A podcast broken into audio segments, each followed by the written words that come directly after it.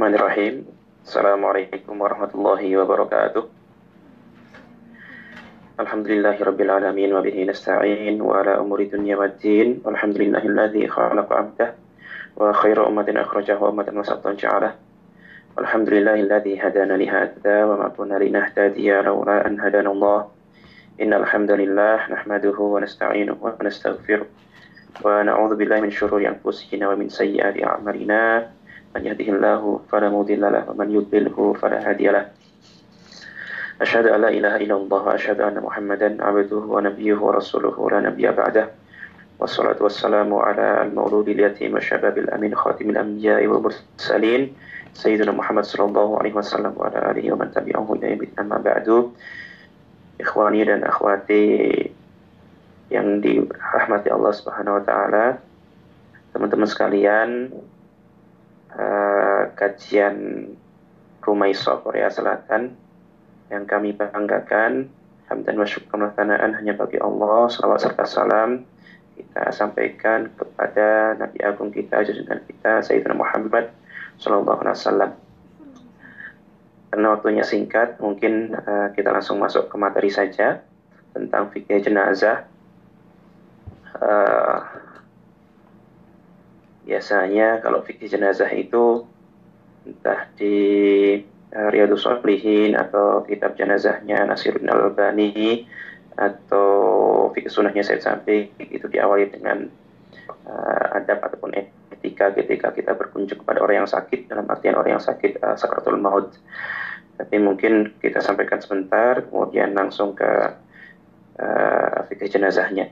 Yang di hadapan saya ini adalah buku fikih sunnah jadi yang saya sampaikan lebih ke menyampaikan apa yang ditulis oleh saya Said Sabik dalam uh, buku fenomenal beliau yaitu fikih sunnah di Said Sabik Bismillah pertama tentang uh, mayusannu indal ihtidar atau kesunahan-kesunahan beberapa hal yang dianjurkan ketika kita berkunjung hmm. kepada seseorang yang sudah sakaratul maut berkunjung kepada seseorang yang sudah uh, menuju kematian, entah itu ketika dia sakit, yang dalam artian sakit uh, menuju meninggal, atau ketika detik-detik seseorang itu dicabut rohnya. Ya. Yang pertama adalah talqinul muhtadir atau mentalkin si mayit dengan ucapan la ilaha illallah karena uh, ini hadisnya sorry dohir banget jelas banget. Lakinu mautakum lakinu mautakum la ilaha illallah. Talkinkanlah walaupun di sini kata-katanya menggunakan mauta mauta itu uh, bentuk jamak dari mayit. Tapi maksudnya di sini bukan orang yang sudah meninggal enggak. Tapi orang yang sakaratul maut. Atau apa enggak bahasa kita mungkin orang yang sudah OTW menuju kematian. Bukan orang yang sudah mati tapi uh, orang yang akan menuju kematian. Orang yang sudah atau sedang sakaratul maut maka itu uh, uh, masih berguna orang yang mentalkin. Mentalkin itu adalah menuntun ya menuntun. Jadi jangan sampai salah paham mentalkin berarti membacakan enggak. Kalau membacakan itu kan seolah si yang ditalkin atau yang mutawafanya atau yang sakaratul mautnya dia pasif. Tapi kalau mentalkin itu maksudnya mengajak si mayit akan si orang yang sakaratul maut itu untuk mengucapkan la ilaha illallah. Walaupun ada beberapa yang memahami bahwa kalau seandainya dikhawatirkan bahwa si uh, sakratul maut tersebut calon almarhum tersebut kesulitan untuk mengucapkan tahlil secara lengkap yaitu la ilaha illallah maka uh, cukup dengan Allah Allah Allah seperti itu. Takutnya kalau seandainya terlalu memaksakan pada ucapan la ilaha illallah uh, nanti dia berhenti pada la ilaha itu malah uh, menyebabkan kekhawatiran tersendiri bagi kita. Jadi kalau masih memungkinkan talqinnya secara lengkap la ilaha Allah maka la ilaha illallah tapi kalau seandainya uh, uh, tidak terlalu memungkinkan dengan talqin tahlil secara lengkap maka dicukupkan dengan Allah Allah oh, seperti itu. Yang kedua adalah menghadapkan ke kiblat. Ini saya kira mafhum. Menghadapkan ke kiblat itu maksudnya kepala di utara kaki di selatan baru kemudian uh, si mutawafa tersebut atau almarhum tersebut dihadapkan jadi dia berpaling ke kanan ada kata-kata ada biyaminihi atau uh, dia menjadikan tangan kanannya itu sebagai bantal. Tapi tentu bukan dalam artian tidurnya orang hidup itu enggak meletakkan tangan di bawah uh, kepala, tapi intinya dihadapkan dipalingkan ke kiblat seperti itu. Kemudian yang ketiga adalah kiroatu suratu yasin membacakan surat yasin. Ada beberapa hadis uh, di antaranya adalah yasin kulbul Quran. Yasin itu adalah inti atau jantungnya Al-Quran. Ada juga hadis yang berkaitan dengan kekhususan yasin bagi uh, mayit adalah lakinu mautakum yasin. Ada juga ma min mayyitin yamutu fatuqra indahu yasin illa Allahu alaihi. Tidaklah seorang mayit yang meninggal dan ketika meninggal dia itu dibacakan kepadanya surat Yasin, maka uh, pasti Allah akan Allahu alaihi meringankan memudahkan seseorang itu atas kematiannya. Sekali lagi ini dibacakan ketika sakratul maut. Walaupun tidak lantas uh, uh, dipahami bahwa oh, berarti hadis lagi mau tahu yasin dan lain sebagainya itu khusus ketika akan meninggal. Berarti nggak boleh dibaca setelah meninggal. Nggak juga. Boleh juga dibacakan setelah meninggal tapi kalau konteks bagi kita membimbing orang yang sakratul maut maka yang lebih diutamakan adalah membacakan yasin tadi selain mentalkin tapi juga membaca, membacakan yasin kepada orang yang sudah sakratul maut. Yang keempat adalah takmil ini idamata menutupkan kedua matanya. Karena biasanya ada beberapa orang yang ketika sakaratul maut dicabut nyawanya, kemudian karena memang dicabutnya ruh, dicabutnya nyawa dari jasad itu merupakan kondisi yang amat sangat pedih, sakit sekali. Ibaratnya kalau kita uh, belajar di mahfudat itu ada kata-kata atau amul mauti fi amrin hakirin, kata amul mauti fi amrin kabirin, meninggalnya karena sesuatu yang remeh, itu rasanya sama dengan sesuatu yang besar. Meninggalnya, dicabutnya nyawa seseorang karena dia tergelincir di uh, jurang itu sama dengan dia tergelincir di uh, lantai atau mungkin kamar mandi dan lain sebagainya. Intinya kematian itu bagaimanapun juga biasanya tabiatnya karakternya adalah uh, membawa rasa yang amat sakit sekali, pedih sekali, perih sekali, sehingga kadang uh, ruh bidu tapi amul basor. Kalau seandainya ruh itu dicabut, biasanya mata itu akan mengikuti sambil terbelalak. Nah, karena terbelalak, kemudian ruh keluar, almarhum belum bisa atau belum sempat menutupkan matanya sendiri, maka kemudian bagi keluarga atau orang sekitarnya itu baiknya memang tagmil dua ainaihi idza mata menutupkan uh, kedua matanya saat meninggal. Kemudian yang kelima adalah menutup seluruh badannya. Yang keenam, al-mubadarah bitajhizihi mata haqqaqa mauti. Jadi mempercepat kepengurusan jenazah uh, tapi dengan catatan mata tahaqqaqa mautuhu. Selama kematiannya itu memang sudah benar-benar terbukti gitu. Jadi jangan sampai kita salah berasumsi, salah menentukan pada orangnya masih hidup, tapi kemudian kita sudah proses demikian rupa. Ya, tentu penentuan mati atau tidaknya ini memerlukan uh, jasa para tenaga medis, dokter atau mungkin orang-orang yang kompeten dalam mendiagnosa seseorang itu masih hidup atau enggak. Yang ketujuh yang tidak kalah pentingnya adalah kode ini yaitu membayarkan hutangnya. Ini sangat penting sekali karena walaupun sesoleh apa pun, walaupun dia mujahid visabilillah dalam artian berperang di jalan Allah atau visabilillah lainnya, Eh, kondisi-kondisi uh, kematian yang juga mempunyai pahala visabilillah selain berperang di jalan Allah walaupun orang itu meninggal dengan cara-cara kemuliaan tapi selama dia mempunyai tanggungan hutang maka hutang itu tidak bisa uh, digugurkan. Dia akan menjadikan si almarhum menggantung uh, oleh karena itu bagi ahli warisnya orang yang diwasiatkannya itu harus lekas naskah menunaikan hutangnya. Karena memang hutang ini kaitannya dengan hukuk adami dengan hak-hak kemanusiaan.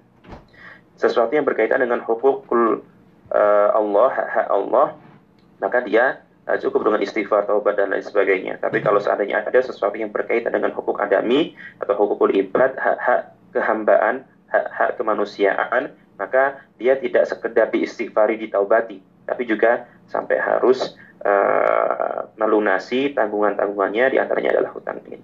Kemudian uh, tentang subjudul selanjutnya yaitu tentang uh, al-buka alal mayit atau menangisi uh, si mayit. Kira-kira boleh nggak sih? Ya, seperti itu. Karena kan ada kalanya tangisan yang berlebihan itu dilarang, tapi kalau seandainya tangisan itu tangisan yang wajar, maka itu diperbolehkan karena tangisan adalah ekspresi jiwa yang mungkin sedang sedih, ekspresi jiwa yang menyayangi seseorang yang dicintainya, yang disayanginya itu masih diperkenankan. Uh, walaupun kalau seandainya berlebih itu sangat-sangat harus dihindari. Uh, beberapa yang pernah saya saksikan tangisan berlebihan itu ya dia menjabak-jabak rambutnya kemudian berteriak-teriak seperti orang yang apa uh, kehilangan kesadaran sampai stres gila seperti itu berteriak menjejakkan kaki dan sebagainya bahkan uh, dulu pernah di uh, masjid jami di Robi Hadawiyah ketika sholat mayit kemudian mayit sudah ditandu untuk menuju ke pemakaman keluarganya ada yang sampai memukul-mukul menjambak-jambak jilbabnya sampai hampir lepas maka seketika imam masjid ketika itu langsung menghadiknya, melarangnya. Ini bentuk tangisan yang berlebihan tidak boleh. Kalau seandainya tangisan yang masih dalam uh, tanda kutip wajar, maka itu diperbolehkan. Karena Rasulullah sendiri pun juga saat kematian Ibrahim, beliau juga bersedih. Innal aina tadma'u sesungguhnya kedua mata itu uh, berair mata wal qalbu yahzanu dan hati itu bersedih wala naqulu ila yardu rabbuna dan tidaklah kita menyampaikan sesuatu, mengatakan sesuatu kecuali dengan apa yang diridhoi oleh Tuhan kita Allah. Wa inna bi firaqika ya Ibrahim muhzinun. Dan sesungguhnya kami sangat-sangat sedih wahai Ibrahim dengan kepergianmu. Itu nanti saya menunjukkan bahwa Rasulullah ketika ditinggal uh, uh, wafat oleh anak beliau, beliau juga menangis, beliau juga bersedih, tapi tentu dalam tahap yang uh, wajar seperti itu. Nah, perbedaannya selanjutnya adalah dengan niyahah. Kalau menangis wajar itu diperboleh. Kalau niyahah itu tidak diperbolehkan. Niyahah itu uh, rof usod bil buka. Dia nangis tapi sambil jerit-jerit. Ini indikasi ya. Walaupun mungkin ini intinya indikasi ekspresi kesedihan yang berlebihan. Tidak harus dengan uh, nangis berjerit-jerit, tapi dengan memukul wajah, menampar wajah, menjabat-jabat rambut, sampai merobek-merobek berkain, menjejakkan kaki dengan ekspresi-ekspresi atau gejala-gejala apa seperti orang gila tersebut itu pun juga masuk kategori niyahah. Kemudian langsung lanjut saja pada fikih praktis tentang keputusan jenazah. Tahapan-tahapan uh, selanjutnya adalah ini ada tahapan lainnya ya, tapi yang uh, berkaitan dengan teknis kepengurusan jenazah. Maka pertama adalah yughsalu wa yukfanu wa yusolla alaihi wa yudfanu. Ada empat. Yang pertama dimandikan, dikafani, disolatkan, dan dikuburkan. Yang pertama adalah gusul mayit. Tentang hukumnya adalah uh, secara jumhur ulama mengatakan mencuci atau membersihkan memandikan mayit itu fardu kifayah atau kewajiban uh, wajib tapi komunal gitu. Wajib tapi bisa diwakilkan kepada orang-orang tertentu. Mungkin sambil review uh, maklumat fikih kita ada wajib atau fardu kifayah atau ada ada juga fardu ain. Kalau fardu ain ya wajib atas setiap individu, tapi kalau fardu kifayah uh, kewajiban yang bisa digugurkan dengan perwakilan beberapa orang. Tapi alhamdulillah teman-teman rumah iso di sini walaupun perempuan tapi kemudian uh, uh, request tentang fardu kifayah karena kadang fardu kifayah itu karena statusnya dia adalah suatu kewajiban yang dibebankan kepada sebagian orang, maka kadang uh, beberapa orang malah berlepas diri, saling mengandalkan. Dan akhirnya sama sekali tidak ada orang yang menguasai atau terbiasa dengan uh, tipe-tipe kewajiban atau ibadah seperti ini. Maka sekali lagi, uh, syukron dan semangat terus bagi teman-teman rumah Isa. Sekali lagi tadi, uh, hukum mandikan mayat ya fardu kifayah. Kita komal ba'du safatu an jamil mukallafin. Kalau seandainya sebagian sudah melaksanakan, maka tanggungannya sudah uh, diangkat dari orang-orang yang mukallaf. Kemudian uh, siapa yang wajib mencucinya? Ma man yajibu ghuslu wa man yajib, siapa yang wajib mencucinya dan siapa yang tidak wajib itu. Yang wajib dicuci adalah muslim semua muslim ataupun muslimah Allah tidak yuktab fi ma'rakati yadil kufar selama mereka tidak meninggal dalam peperangan karena memang nanti kalau berbicara tentang jenazah jenazah khusus seperti jenazah uh, orang-orang yang meninggal dalam peperangan maka mereka tata cara kepengurusannya bukan seperti jenazah pada umumnya. Maka sekali lagi yang wajib untuk dicuci adalah semua muslim muslimah yang meninggal uh, dengan catatan tidak dalam peperangan. Kemudian uh, ini juga termasuk kalau seandainya kita bertemu dengan bencana-bencana ya. Kalau Al-Fakir pribadi pernah mendapatkan kondisi di, di mana jasad seseorang itu udah nggak utuh. Jasad seseorang itu sudah nggak utuh. Dulu pernah di Banjarnegara, di Karangkobar itu ada bencana uh, uh, longsor dan kondisi mayat macam-macam. Ada yang tinggal uh, setengah badannya, ada yang kehilangan tangannya dan lain sebagainya. Walaupun kondisi seperti itu, tetap sebagian yang ada tadi itu di uh, dicuci. Insya Allah sudah menggugurkan dari kewajiban. Kemudian uh, tadi tentang syahid la yughsal. Orang yang syahid fi sabilillah dalam artian peperangan uh, dia tidak dimandikan walaupun dia junub. Kita sering mendengar istilah hmm, ghasilul malaikah yaitu hamdolah. Jadi dikenal ghasilul malaikah dari kata-kata ghasil orang yang dimandikan ghasil itu orang yang dimandikan oleh malaikat karena dia berperang dalam kondisi junub dan akhirnya meninggal dan tetap tidak disucikan uh, atau tidak dimandikan. Jadi sekali lagi asyahidu ayusal orang yang syahid yang terbunuh dalam peperangan oleh orang-orang kafir uh, maka dia tidak dimandikan. Nah, ikhwani hayakumullah barakallahu fikum. Uh, akhwati hayakumullah ada catatan, ini maknanya tidak lantas orang yang meninggal dengan derajat visabilillah kemudian disamakan dengan orang yang meninggal visabilillah. Bedakan hal tersebut. Kalau meninggal visabilillah dalam artian perang di jalan Allah, maka berlaku yang kita sampaikan tadi tidak dimandikan.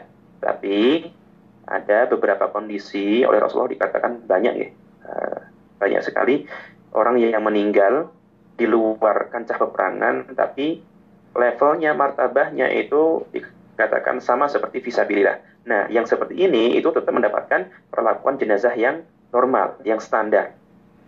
Kan ada beberapa hadis orang yang meninggal pahalanya seperti visabilillah, seperti orang terbakar, orang tenggelam, orang yang membela hartanya dari rampokan, orang yang melahirkan, kemudian orang yang meninggal sakit perut karena keracunan. Itu banyak hadis-hadis yang uh, menyatakan demikian, dia seperti visabilillah, tapi ketika mereka meninggal seperti itu, tetap proses jenazahnya seperti jenazah pada umumnya. Walaupun ada kata-kata visabilillah, tapi dia bukan visabilillah dalam uh, makna hakikinya. Bukan visabilillah dalam arti perang melawan orang kafir, enggak. Nah, tadi ada ungkapan orang yang syahid di tangan orang kafir, enggak dimandikan. Tapi kita mengenal ada peperangan di mana orang syahid, dia syuhada, tapi peperangan itu terjadi antar kaum muslimin sendiri. Ya, kita mengenal sejarah uh, akhir-akhir dari Khulafaur Rasyidin ada perang Jamal, ada perang Siffin atau Qadiyatul Tahkim dan rentetan fatroh atau periode fitnah sahabat. Fitnah sahabat itu maksudnya chaos. Jadi jangan sampai memahami fitnah itu tuduhan, enggak fitnah itu uh, huru hara. Kalau tuduhan itu tuhmah. Jadi kalau ada al fitnah itu asyadu minal qatl itu bukan lantas artinya tuduhan lebih kejam dari pembunuhan enggak, tapi huru hara, chaos. Karena kan huru hara itu dia kondisi yang semua praktek kejahatan itu ada semua. Pembunuhan iya, penyiksaan, mungkin mutilasi iya, kemudian pemerkosaan, penjarahan itu namanya fitnah. Nah kembali ke tadi, ketika ada fitnah antara kaum muslimin, peperangan kaum muslimin, maka orang-orang tadi uh, tetap uh, mereka syahada, tapi mereka tetap diperlakukan seperti jenazah pada umumnya. Sikatul guselnya saya kira uh, secara umum saja nih. Pertama sifatul gusel mencucinya uh, dia pertama dia yang mencuci adalah orang-orang tertentu, tidak sembarangan. Diutamakan memang orang yang uh, uh, sama-sama laki-laki atau sama-sama perempuan. Lebih diutamakan adalah kerabat-kerabatnya walaupun uh, kalaupun lawan jenis tapi kalau seandainya dia adalah pasangannya itu diperbolehkan tapi kan tentu biasanya yang realita kita mendapatkan kalau yang meninggal perempuan maka biasanya yang mencucinya adalah uh, sesama perempuan diutamakan oleh kerabat-kerabatnya. Kemudian sifatul gusulnya itu yang perlu kita sampaikan adalah tentang cara mengguyurkan air itu harus juga dengan lembut. Mereka mayat, mereka sudah meninggal, tapi uh, walaupun karomna bani Adam, pemuliaan bani Adam itu juga sampai ketika mereka meninggal. Dulu sempat ada beberapa pertanyaan kasus orang mutin desa memandikan mayat ya dengan selang dicori seperti itu. Itu uh, termasuk uh, kolilul adab, masuk cara etika kurang dibenarkan. Bahkan kalau perlu itu guyuran dari air itu uh, ditadahkan dulu, diberi sela antara air, tangan si pencuci, baru kemudian kulit-kulit si mayit. Jadi tidak langsung kerucukan itu enggak, apalagi dengan selang. Nah, jangan sampai seperti itu. Kemudian juga airnya terdiri dari uh, airnya air yang tawar, kemudian air yang ada bidaranya, kemudian baru ada air yang ada kapurnya atau tip, tip itu parfum. Kemudian uh, ada jumlah mencucinya ada ungkapan ataupun hadis dari Rasulullah igsilnaha witron talatan khamsan saban. Intinya dicuci sebaiknya witer. Witer itu ganjil. Dah tiga lima tujuh dah tujuh berarti uh, sembilan dan seterusnya. Kemudian diawali dari anggota anggota wudhu kemudian diawali uh, anggota wudhu kemudian diawali dari bagian kanan kemudian kiri seperti itu. Dan biasanya kalau kita memperhatikan uh, jenazah yang dimandikan itu biasanya dia ditaruh di uh, atas tempat yang tinggi. Dan biasanya untuk mempermudah dalam dalam mencuci biasanya antara jasad dengan uh, meja tersebut ada sela-selanya untuk memudahkan uh, para pencuci tersebut untuk membersihkan bagian bawah dari jasad si almarhum ataupun almarhumah. Kemudian tentu yang tidak uh, boleh ditinggalkan yaitu membersihkan apa sampai ke lubang-lubang tertentu, lubang-lubang yang biasanya mengeluarkan kotoran, namanya dubur, kemudian uh, alat vital dan sebagainya itu di apa ya, di nah bahasa Jawanya dipenet gitu, dipenet ditekan secara uh, dari atas ke bawah nih ditekan pelan-pelan dari atas ke bawah. Intinya memastikan bahwa dari lubang-lubang tersebut tidak ada kotoran lagi. Nah, lubang yang uh, kubul atau dubur. Kubul itu lubang depan dubur itu lubang belakang. Atau mungkin lubang-lubang yang di daerah kepala. Seperti itu. Nah assalamualaikum. Masih jelas ini? Waalaikumsalam ya Ustaz. Jelas. Oke. Saya lanjutkan Kemudian tentang pengkafanan. Tentang pengkafanan uh, takfinul mayit bima yasturuhu walau kana thawban wahidan fardu kifayah. Ini sama nih. Ini prosesi dari uh, ghusl, kafan, solah dan juga dafan kalimat tadi nyuci, kafani, menyolati, mengkuburkan itu semuanya fardu kifayah. Ini hadisnya banyak uh, asalnya memang intinya hukum asalnya ya hukum asalnya jenazah itu dikafani ditutupi semuanya. Jadi dikatakan walau kan atau dan walaupun dengan uh, satu kain itu kita mengenal cerita-cerita tentang Mus'ab bin Umair dan juga Hamzah bin Abdul Muttalib. Itu sahabat-sahabat yang gugur di medan perang kemudian uh, menutupinya sampai walaupun dia meninggal tapi tetap kemudian walaupun nggak dikafani dengan kain putih tapi mereka tetap ditutupi. Bahkan kalau Mus'ab bin Umar itu walaupun bukan dengan kafan ya tapi intinya tetap ditutup, ditutupi semua jasadnya walaupun dia syahid. Nggak dikafani tapi tetap ditutupi dengan apa pun itu. Kalau Mus'ab bin Umar itu kan kalau di cerita ceritanya dia sampai ditutup dengan idkhir idkhir itu kalau beberapa waktu yang lalu sempat googling itu dia seperti rumput-rumput uh, daun serai, daun serai seperti itu. Bisa mungkin ditutupi. Kemudian mayustahabu fihi. Kata-kata fikih mayustahabu berarti dia menunjukkan tentang abdoliyah, menunjukkan tentang kesunahan. Maka tadi hukum asalnya adalah uh, takfinul mayit bima yasturuhu walau kana thawban wahidan fardu kifayah. Hukum asalnya, hukum wajibnya adalah menutupi seluruh jasad mayit walaupun dengan satu uh, kafan. Tapi kemudian ada sebab selanjutnya ma yustahabbu fihi, apa yang dianjurkan. Mustahab itu sunnah, mandub ataupun abduliyahnya gitu lah kira-kira. Nah, sifat dari kafan itu yang dianjurkan ayakuna hasanan nadhifan satiran badan. Baik, kemudian uh, kainnya baik, kemudian bersih, kemudian menutup seluruh badan. Kemudian wa ayakuna abyad. Dan dadanya berwarna putih. Dari hadis Rasulullah an Ibni Abbas, an Nabi sallallahu alaihi wasallam qala ilbisu min tiyabikum al bayudo fa innaha min khairi tiyabikum wa kafinu fiha mautakum. Adalah kalian memakai kain atau baju yang putih fa innaha min khairi tiyabikum karena sesungguhnya baju putih itu adalah termasuk baju ataupun kain yang uh, terbaik bagi kalian wa kafinu fiha mautakum dan kafanilah dengan kain putih itu mayat-mayat kalian. Uh, sebentar ini tentang pakai baju sekali lagi ini mustahab walaupun memang dianjurkan dengan pakaian putih tapi jangan mengira bahwa kemudian bajunya Rasulullah putih semua enggak kalau kita bicara tentang uh, hadis-hadis sirah nabawiyah Rasulullah pun juga pernah memakai baju yang kuning kemudian uh, surban merah yang warna-warni pun intinya ada gitulah jadi jangan punya anggapan kemudian Rasulullah memakai baju putih terus itu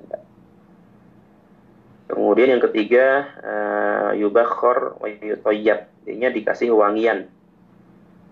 Kalau bukhur itu di Arab itu dia semacam uh, lidi-lidi wangian gitulah. Dia bisa bentuknya lidi, dia bisa bentuknya seperti rempah-rempah yang dibakar itu. Tapi intinya dia untuk wangi-wangian.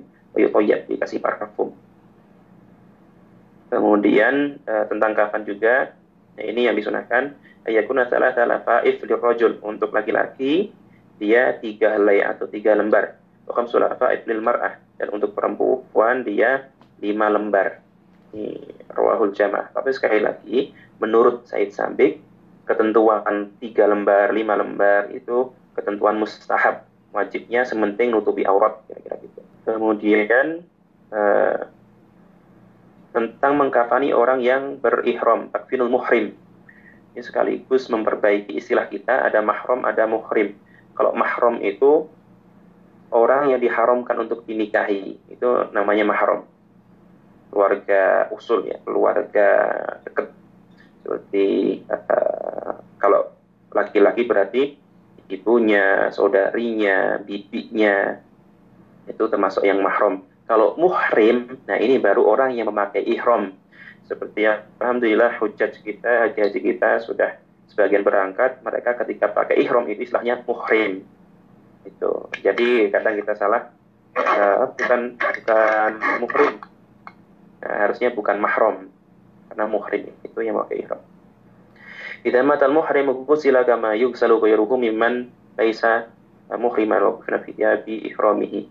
Dia dicuci seperti yang lainnya, orang yang meninggal dalam kondisi ihram dicuci seperti yang lainnya, tapi untuk pengkafanan wakufina fitia bi ihromi dia dikafani dengan baju ihramnya. Wala torok suhu. Ini memang agak unik ini untuk yang muhrim karena uh, gambaran umumnya adalah orang yang meninggal saat ihram itu sampai prosesi kematiannya itu juga uh, sebisa mungkin dihindari larangan-larangan ketika ihram. Contohnya ini, wala torok suhu. Dia nggak boleh ditutupi kepalanya dia dikafani tapi nggak boleh ditutupi kepalanya. Kemudian juga la yutoyab li bakoi min ihram. Dia juga nggak boleh dikasih pewangian. Kalau uh, almarhum yang standar itu kan ya dipocong ya sampai ditutup semuanya, kemudian uh, dikasih parfum. Tapi kalau untuk muhrim orang yang berihram itu enggak. Kemudian uh, tadi walaupun ada hadis tentang Hasan nanti dan sebagainya, tapi uh, jangan sampai kita berlebihan. Ini sudah jam 9 per 4. Ini uh, mengkafani dengan sutra. Kalau untuk laki-laki tidak boleh, kalau untuk perempuan dibolehkan. Kemudian sholat, ini sama fardu kifayah, kemudian uh, uh, fadilahnya banyak. Yang mensolatkan mentasiahi uh, teknisnya saja seperti ini. Intinya sholat itu sholat untuk jenazah. Kalau laki-laki maka imamnya di roksun rojulun roksun itu sama-sama rok ya. Bagian kepala tapi kalau perempuan imamnya di tengah kemudian disunahkan memang membuat tiga soft membuat tiga soft tentu ini uh, sunnah yang menunjukkan tentang uh, semakin banyaknya yang mensolatkan maka semakin baik gitu.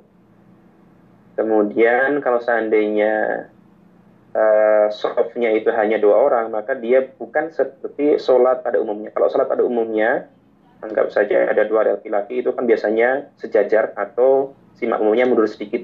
Tapi kalau sholat seperti ini, sholat uh, jenazah dalam fikih sunnah, nah dia enggak dia uh, di belakang pas gitu. Kemudian takbirnya empat kali. Kalau pendapat fikih yang saya ikuti, yang saya pahami, uh, tata cara takbirnya yang pertama adalah Bismillah, yang kedua syahadah, yang ketiga adalah doa khos untuk si mayit, baru yang keempat adalah doa umum untuk muslimin atau muslimat yang sudah meninggal. Nah, saya katakan tadi bahwa itu yang saya pilih karena memang kalau kita membaca beberapa fikih lain maka ya versinya ada beberapa gitu. Tapi gampangnya yang uh, seperti yang ada di Indonesia biasanya empat takbirat, takbir pertama Bismillah, takbir kedua syahadah, uh, takbir ketiga doa khas untuk mayit, takbir keempat untuk uh, umum seperti itu. Tentu ini juga harus dengan uh, wudhu, harus tohir sholatnya. Kemudian langsung ke tentang mengkuburkan. Ini kalau mengkuburkan diawali dari ya dikubur kalau muslim dikuburkan di pekuburan orang-orang muslim Kemudian kalau untuk uh, tipe kuburannya biasanya ukurannya panjangnya dua, ada yang membuat ukuran uh, dia kalau untuk panjang setengah meter dilebihkan dari tinggi badan. Kalau tinggi badan dia 160 cm berarti ditambahin setengah meter dan sebagainya. Tapi intinya rata-rata ya dua dikali satu setengah seperti itu. Nah, baru kemudian model kuburan itu ada yang lahat syak kalau lahat itu kuburan yang bagian tengahnya yang uh, uh, kalau lahat itu yang pinggirnya dilubangi, tapi kalau syak itu yang bagian tengah yang dilubangi. Mungkin teman-teman ada yang uh, pernah melihat kuburan itu kan kalau kita gambar nanti di googling lah bedanya antara lahat dengan syak. Gitu. Intinya kan kalau kuburan itu dia bertalok seperti itu, dasarnya kalau untuk syak itu yang tengah yang di uh, ceklongi yang diceklongi yang didalamkan sesuai dengan besarnya si mayit baru kemudian kalau lahat itu yang pinggirnya. Nah itu semuanya dihadapkan ke kiblat. Bahkan juga sampai diberi ganjel kira-kira seperti itu. Nah, saya kira itu. Mungkin ada pertanyaan. Dan apa waktunya ini mepet karena saya jatah imam. Jadi nah, nanti saya ini langsung lanjut. Kalau ada pertanyaan mungkin tidak bisa banyak dan mungkin uh, jawabnya agak singkat gitu. Dari saya sekian, terima kasih. Assalamualaikum warahmatullahi wabarakatuh. Waalaikumsalam warahmatullahi wabarakatuh. Ya, baik Ustaz, uh, jazakallah khairan uh, untuk materinya. Ya, mungkin uh, Mbak Mbak ada pertanyaan, mungkin tiga penanya dulu ya. Saya Ustaz mungkin dari saya dulu. Mungkin kalau uh, ketika ada yang ini mungkin apa sih sudah maut gitu ya tapi tidak sempat ditalkinkan gitu itu gimana? Afan bisa dikeraskan suaranya mbak oh iya jadi kalau misalnya ada yang sudah apa sih maut tapi kita nggak sempat mentalkin mentalkinkan nah itu gimana ya Ustaz? Yeah uh, intinya gini, batasan secara umum itu adalah memastikan bahwa kondisi si mayat saat meninggal itu dalam kondisi muslim gitu. Ya ayyuhalladzina amanu taqullaha haqqa tuqatih wa la tamutunna illa wa antum muslimun dan janganlah sekali-kali kalian meninggal ataupun mati kecuali dalam kondisi muslim. Jadi uh, tentu kita sangat menginginkan husnul khotimah, sangat menginginkan mati dalam kondisi lisan kita terakhir melafalkan la ilaha illallah, mengakui keesaan dan ketuhanan akan Allah Subhanahu wa taala. Tapi tentu kondisi orang sakaratul maut itu berbeda-beda. Yang saya ingin sampaikan adalah jangan sampai kemudian mengira atau meratapi dengan berlebihan bahwa ketika kita melihat orang terkasih ataupun tersayang kita terdekat kita kan meninggal uh, kita nggak tahu dia lah ilah atau enggak tapi kalau seandainya kita masih bisa memastikan bahwa akhir hidup hayatnya dipenuhi dengan kebaikan. Selama dia masih sehat itu masih melakukan kebaikan-kebaikan melakukan apa yang diperintahkan menjauhi apa yang dilarang maka insya Allah itu sudah menjadi bekal tersendiri. Dia insya Allah tetap menjadi muslim. Uh, lah seperti sangkaan kita gitu. Nah, sekali lagi uh, kalau ditanya ada jenazah yang nggak lahir Allah ya jangan dicap suul khotimah dulu. Bisa jadi dia mengucapkan la ilaha illallah bisa jadi dia dengan kekhusyuannya tapi kita nggak tahu atau kita nggak lihat tapi kalau seandainya pun tidak mengucapkan itu itu juga tidak lantas kemudian dia pasti suul khotimah enggak jadi adanya tanda-tanda, sekali lagi tanda atau indikator itu kan uh, ya tanda gitu kan ya. Yang ditandai itu beda lagi. Tanda-tanda husnul khotimah memang di antaranya adalah mengungkapkan atau melafalkan la ilaha illallah, kemudian uh, dia berkeringat dan lain sebagainya. Tetap didoakan, uh, kita berusaha orang yang terdekat kita kalau meninggal di talqin semampu kita dan juga semampu si yang ditalkin tadi uh, sambil yang kita perhatikan adalah ketika masih hidup yang itu masih dalam dalam tanda kutip kuasa kita kita perhatikan ibadah mereka kita perhatikan uh, kehidupan mereka keagamaan mereka jangan sampai kita uh, gulung koming alias mungkin meratapi sekali ketika meninggal tapi ketika masih hidup dan itu masih ada waktu untuk memperbaiki dia mengajak dia kepada kebaikan dan sebagainya justru malah kita acuhkan syukran saya kira itu dari saya mungkin satu pertanyaan lagi karena waktu isanya oh. sudah mepet Oh iya baik. Ini dari Mbak Hana, kalau untuk jenazah yang meninggal karena bunuh diri katanya tidak boleh disolatkan ya Ustaz? Bismillah gini, uh, memang ada hadis yang menyatakan bahwa orang bunuh diri itu dia berdosa besar. Tapi kalau saya, pertama memang ada, uh, pertama gini kita sampaikan, nggak kita tutupi bahwa orang yang bunuh diri itu memang dia uh, berlaku dosa besar. Nah, orang yang berlaku dosa besar itu perlu ditelisik dulu. Dia melakukan dosa itu karena dia mengiktikodi, meyakini kehalalan dari yang haram. Atau dia janjane sebenarnya dia masih eh, meyakini bahwa orang yang bunuh diri itu dosa, tapi dia mungkin tidak uh, kuat lagi menerima cobaan kehidupan dan sebagainya. Tentu ini kan kondisinya beda-beda saya perhatikan daerah-daerah peperangan dia di ya penjara-penjara Guantanamo, penjara-penjara Afghanistan, Irak, daerah-daerah peperangan dan lain sebagainya mereka uh, kehormatannya dihinakan dan sebagainya sebagainya. Nah, kita perlu yakini bahwa orang bunuh diri itu memang uh, dia melakukan dosa yang besar.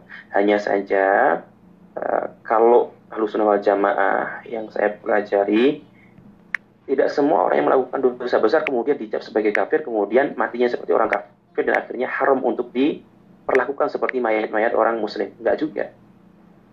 Nah, jadi memang perlu uh, tafsir, perlu pendetailan sebagai bentuk husnudon kita ya, karena dia adalah uh, fardu kifayah, maka tetap harus ada yang menyulatinya.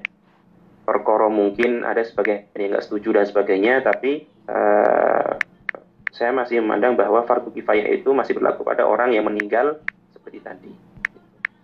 Jadi sekali lagi, uh, Rasulullah pun juga sebenarnya pernah ada seorang sahabi meninggal masih ada hutang, Rasulullah nggak menyolatkan, tapi Rasulullah menyuruh yang lain menyolatkan.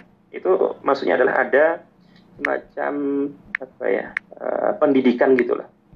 Ada pendidikan sosial, ada teguran sosial bahwa janjinya dia masih berhak untuk disolatkan, tapi Rasulullah nggak mau menyolatinya. Uh, ini kasusnya bagi orang yang meninggal dalam kondisi hutang gitu. Itu bukan lantas dia haram disolati karena Rasulullah nggak menyolatkan, enggak.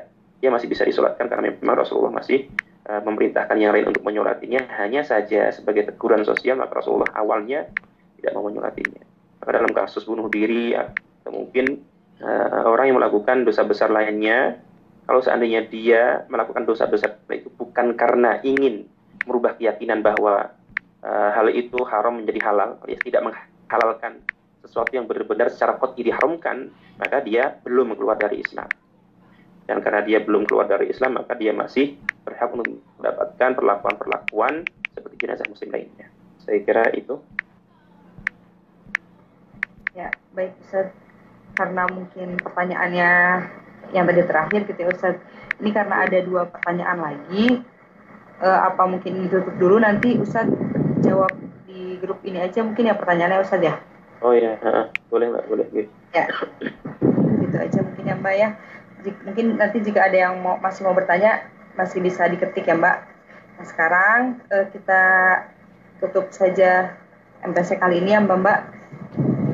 Ya, hmm, Alhamdulillahirrahmanirrahim kita tutup uh, MTC kali ini membaca hamdalah bersama-sama. Alhamdulillah. Istighfar. Astagfirullahaladzim, astagfirullahaladzim, astagfirullahaladzim. Uh, dan doa akhir majlis. Subhanakallahumma wa bihamdika asyhadu an la ilaha illa anta astaghfiruka wa atubu ilaik. Jazakallah khairan kathiran kepada Ustaz yang telah menyampaikan materinya dan juga kepada uh, akhwat semua yang telah apa yang telah mendengar dan bertanya gitu ya Mbak semoga ini bisa menjadi bekal kita untuk menjalankan kewajiban kita sama muslimah ya sama muslim ya baik Mbak Mbak uh, boleh next uh, kita bertemu lagi insya Allah dua minggu ke depan ya. Ya saya sekian. Wassalamualaikum warahmatullahi wabarakatuh. I'm sorry.